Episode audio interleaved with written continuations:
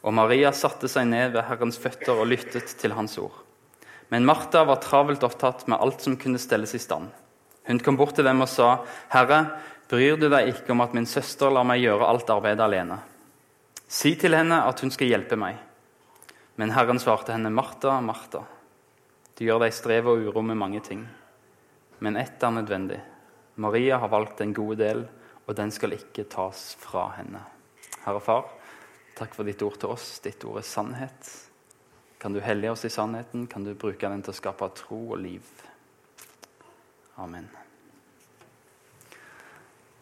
Det er en utrolig godt kjent tekst. Jeg tror vi har hørt den mange, mange ganger. Eh, og Allikevel så er det viktig å gå gjennom sånne tekster som vi kjenner godt fra før av.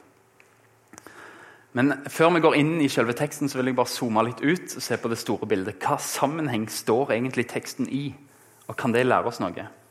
For Den står i Lukasevangeliet, men den står sammen med en utrolig kjent lignelse. Den står sammen med lignelsen om den barmhjertige samaritan. Og Det er egentlig litt rart. Fordi den lignelsen handler om hva er vi nødt til å gjøre for å få evig liv. Hva må vi gjøre? Hva er det vi skal prestere? Fordi En som kan Bibelen skikkelig godt, en bibelprofessor, kommer til Jesus og spør Herre, hva skal jeg gjøre for å få evig liv? Og Så sier Jesus, han svarer helt korrekt, et svar vi burde mye oftere gi. Han spør hva står det i Bibelen. Jo, sier bibelprofessoren, du skal elske Herren din Gud av hele ditt hjerte, av hele din sjel, av all din kraft og av all din forstand. Og så skal du elske din neste sånn som deg sjøl. Og så sier Jesus rett. Gjør du det, så skal du få leve. Og mens eh, professoren vil komme seg til himmelen på egen hånd, så var det med å elske litt lite konkret. Og så spurte han ok, greit Jesus, men hvem er min neste. Hvem er det jeg skal elske? Og Så svarer Jesus med lignelsen om den barmhjertige samaritanen. En lignelse om at alle mennesker, til og med våre fiender, alle mennesker til alle tider, alle dager, er vår neste. Så vi skal elske med en kjærlighet som viser seg i handling. Ikke bare nå og da, men Jesus bruker et språk som sier alltid, i alle situasjoner, under alle omstendigheter, skal du elske og fortsette å elske i handling din neste. Bibelprofessoren gikk bort, sannsynligvis for å prøve å leve sånn som Jesus hadde sagt. Han ville fortjene det evige livet. Han ville gjøre seg sjøl rettferdig, står det. Men hvem greier å leve ut en sånn kjærlighet? Og Med det så slutter teksten om den barmhjertige samaritanen. Men ser dere at det er ett spørsmål som denne bibelprofessoren ikke stilte? Han fikk svar på hvordan han skulle elske sin neste, men han glemte den andre biten. Hvordan kan vi elske Gud av hele vårt hjerte, av hele vår sjel, av all vår kraft og av all vår forstand? Og Jeg tror det er dette spørsmålet Lukas har lyst til å prøve å hjelpe oss med et svar på når han trekker oss inn i dagens tekst. Hvordan kan vi elske Gud av hele oss? Med å sitte med hans føtter og lytte til hans ord. For hans ord skaper en kjærlighet til ham i oss. Det å elske våre neste på en praktisk måte i alle situasjoner, og å sitte ved Jesu føtter og ta imot hans lære, det å elske Herren Gud av hele sitt hjerte og elske sin neste som seg sjøl. Men vi får det så sjeldent perfekt til. Og spørsmålet vi må stille oss er får vi det faktisk så perfekt til at vi fortjener evige liv. Jesus sa 'gjør det, så skal du leve'. Du vil aldri få visshet om evig liv hvis du sjøl skal gjøre deg fortjent til det gjennom absolutt kjærlighet til mennesker og absolutt kjærlighet til Gud.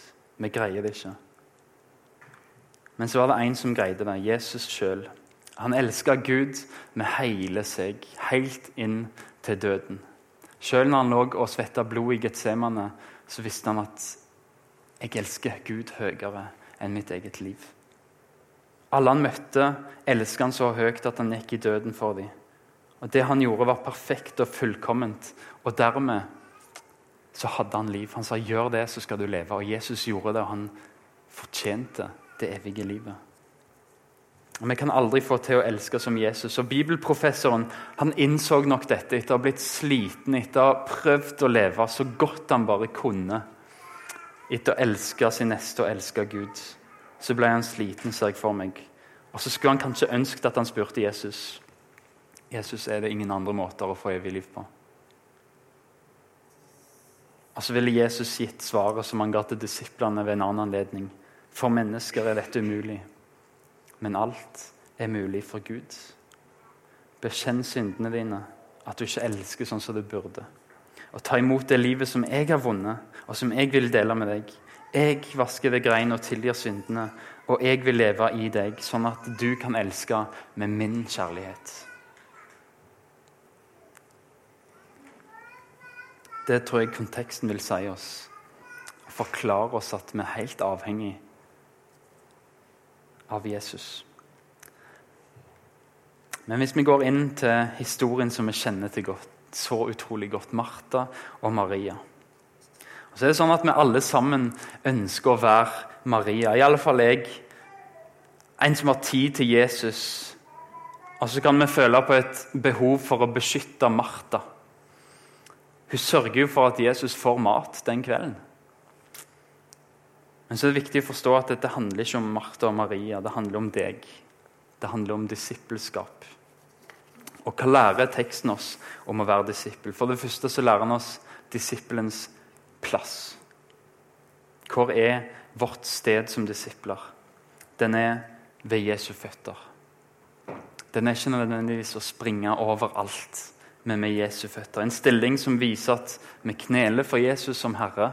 Vi anerkjenner Han som autoritet. Og hva gjør en disippel der? Jo, hun hører på hans lære. Det er det en disippel gjør. Anerkjenner Jesus som Herre og lytter til Hans ord. De tolv disiplene som Jesus valgte, de var sammen med Jesus i tre år. Det var det første kallet. Følg meg. Det var kallet. Vi har så lett for å si at kallet var 'jeg vil gjøre dere til menneskefiskere', men kallet var 'følg meg'. Løftet var 'jeg vil gjøre dere til menneskefiskere'. Men kallet, det er 'følg meg'. Og så fulgte de, og så begynte det å virke. Det første kallet er alltid være med Jesus. Og Derifra så springer nådegavene, derifra så springer dine oppgaver. Å være disippel Sånn som Marit Tingbø sa det så utrolig treffende. Å være disippel det handler om å se lenge, å se ofte og se mye på Jesus. Og så gå og fortelle det du har sett. Se ofte, se mye, se lenge på Jesus. Det er vårt kall. Og Hvorfor valgte Jesus disiplene sine? Det skriver Markus om i Markus 3. For at de skulle være med han. Derfor valgte han disipler. Fordi du skal være med han. Og så skulle han sende de ut, skriver Markus. Men de skulle være med han. En disippel lengter etter å være med Jesu føtter og høre hva han har å si. En som Maria. Teksten lærer oss disippelens plass. Og Så lærer teksten oss at en disippel kan bli distrahert. Og Hvis det er en kultur det er lettere i enn andre kulturer å bli distrahert, så gjelder det vår med alle duppedittene som ringer hele tida. Og jeg vil tro at vi lever i den travleste kulturen, i den travleste tida i verden sin historie.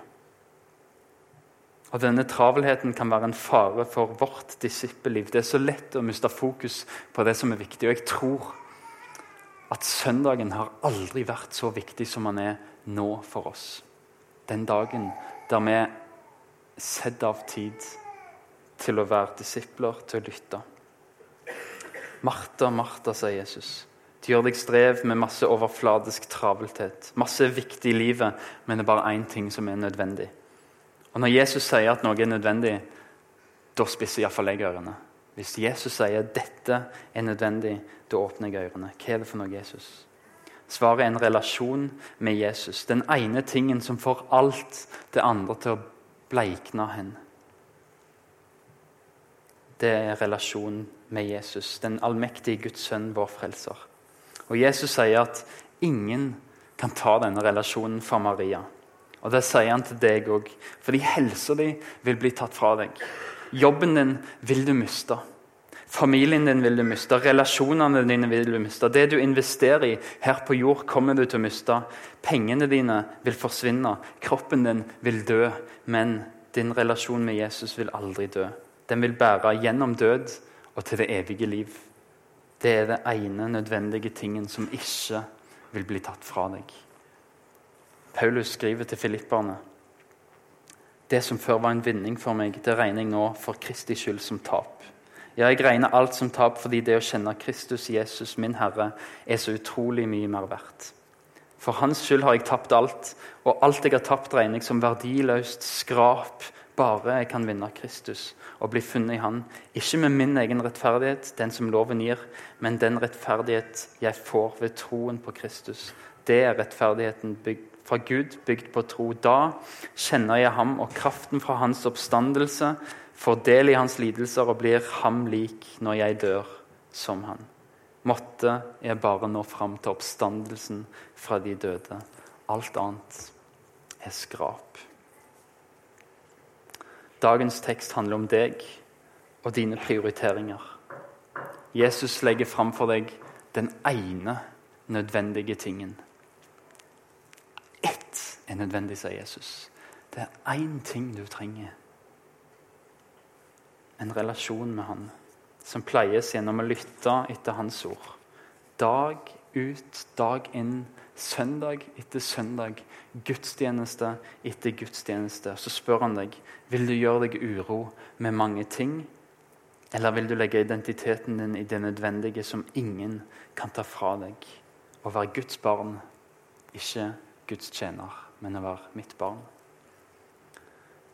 Kolosserbrevet skriver Paulus. Er dere reist opp med Kristus, så søk det som er der oppe, hvor Kristus sitter ved Guds høyre hånd. La sinnet være vendt mot det som er der oppe, ikke mot det som er på jorden. Dere er jo døde, og deres liv er skjult med Kristus i Gud.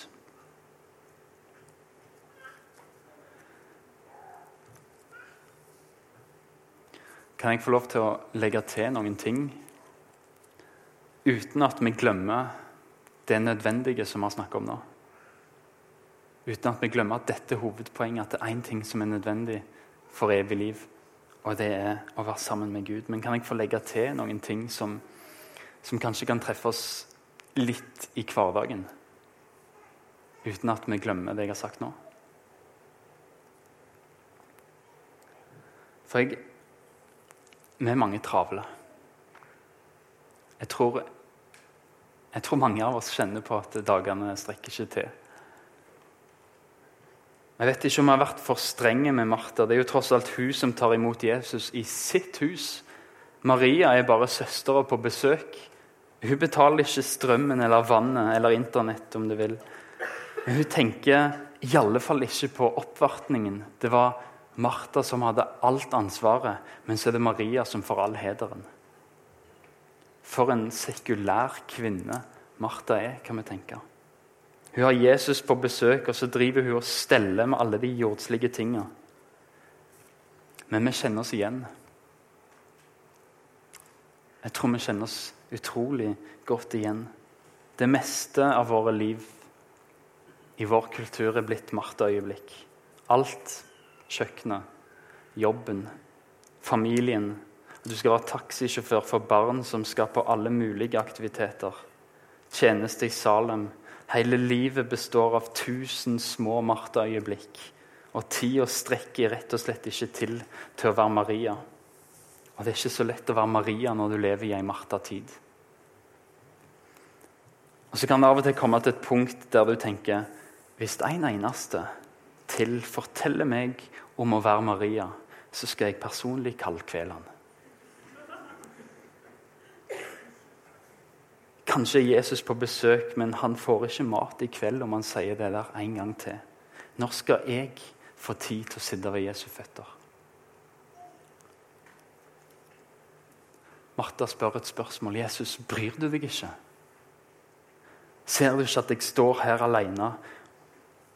Barna mine gråter, jobben tar alle krefter, maten brenner seg, og jeg har ikke råd til å ta den reparasjonen på bilen. Bryr du deg ikke, Jesus? Martha er flesteparten av oss. Hun er mesteparten av livet vårt. Maten brenner seg, kaffen blir det ikke noe av. Og Maria bare sitter der som den utopien som vi skulle ønske at alle var. Og Så er det noen av dere der den lengste pausen du får i livet, det er søndag formiddag i Salem.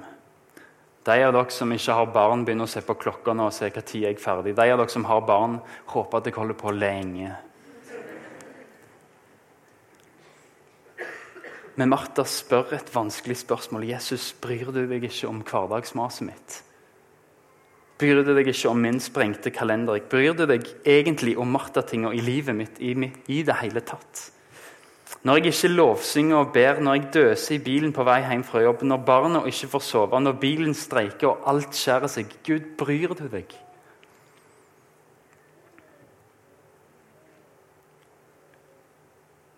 Kast alle deres bekymring på Han, for Han har omsorg for dere, skriver Peter. Kast det på Han, for Han bryr seg. Og Hva vil det si å kaste ting på Jesus? Det tror jeg er å be med hjertet. Be deg gjennom kalenderen din. Kast alle deres bekymringer på Han. Det er ikke en invitasjon om å komme på bønnemøte og si til Gud at Han er allmektig trofalt, trofast, herlig transcendent, og at Hans utvelgelse er rettferdig og Hans kall uimotståelig. Jeg tror ikke det er å kaste alt på Han. Det er en invitasjon til å invitere Han inn i dine bekymringer, i din travelhet, fordi, fordi Han har omsorg for deg. Fordi Han bryr seg. Gud, jeg er frustrert. Jeg får ikke til den ene relasjonen på jobb. Barna mine holder på å få meg til å springe ut av huset. Gud, det er så travelt på jobb. Jeg har ikke peiling på hvordan jeg skal betale huslånet denne måneden. Gud, ryggen min skaper kun bry for meg. Og Gud, jeg har ikke fått en date med mannen min på flere måneder. Hvorfor skal vi be sånn? Fordi Gud har omsorg for Martha-øyeblikkene i våre liv. Våre bekymringer, vår sprengte kalender. Og vi skal be om de store tingene, vi skal be om vekkelse og verdensfred. Men Gud bryr seg òg om at vi ikke har råd til å fikse bilen denne måneden. Martha, du gjør deg strev og uro med mange ting. Men så beholder du strevet ditt sjøl òg, i stedet for å kaste det på meg, som har omsorg for deg. Jeg bryr meg om det. Jeg bryr meg om de tid og dine hjertesukk. La dine Martha-øyeblikk bli kasta på Jesus. Og vet du hva? Jeg tror han kan skape Maria-øyeblikk av det.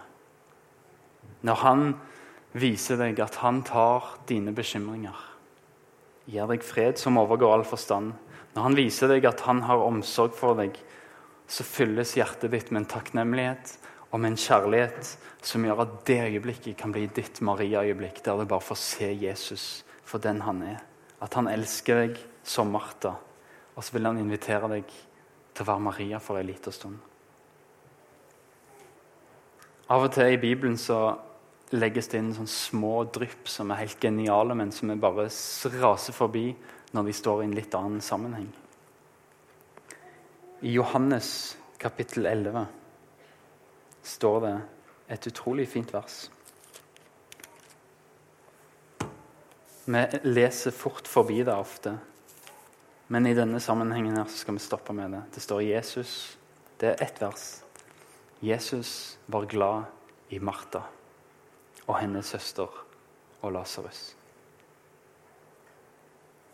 Her nevnes ikke engang Maria med navn. Det er spesielt til Martha. Jesus var glad i Martha. Jesus var glad i hverdags-Martha, i hverdagslivet vårt. Og la oss endelig prøve å streve etter å være Mariaer som leser Bibelen og lever i bønn og tilbedelse. Men Jesus er glad i Martha òg. Det er plass til Martha på hans fang.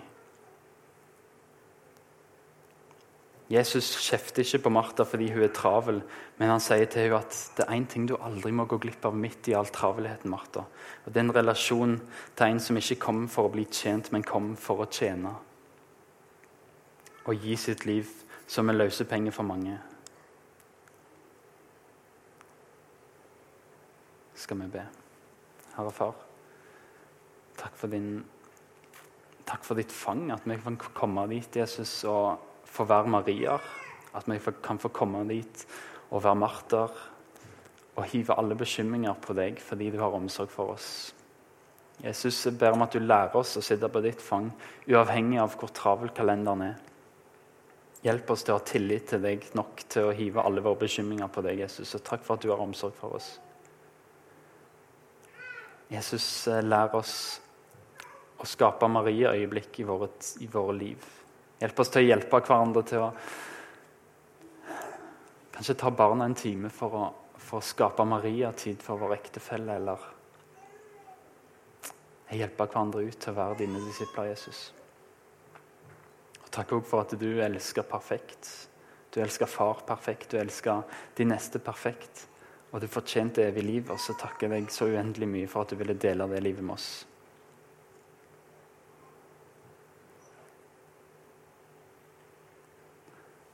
Amen.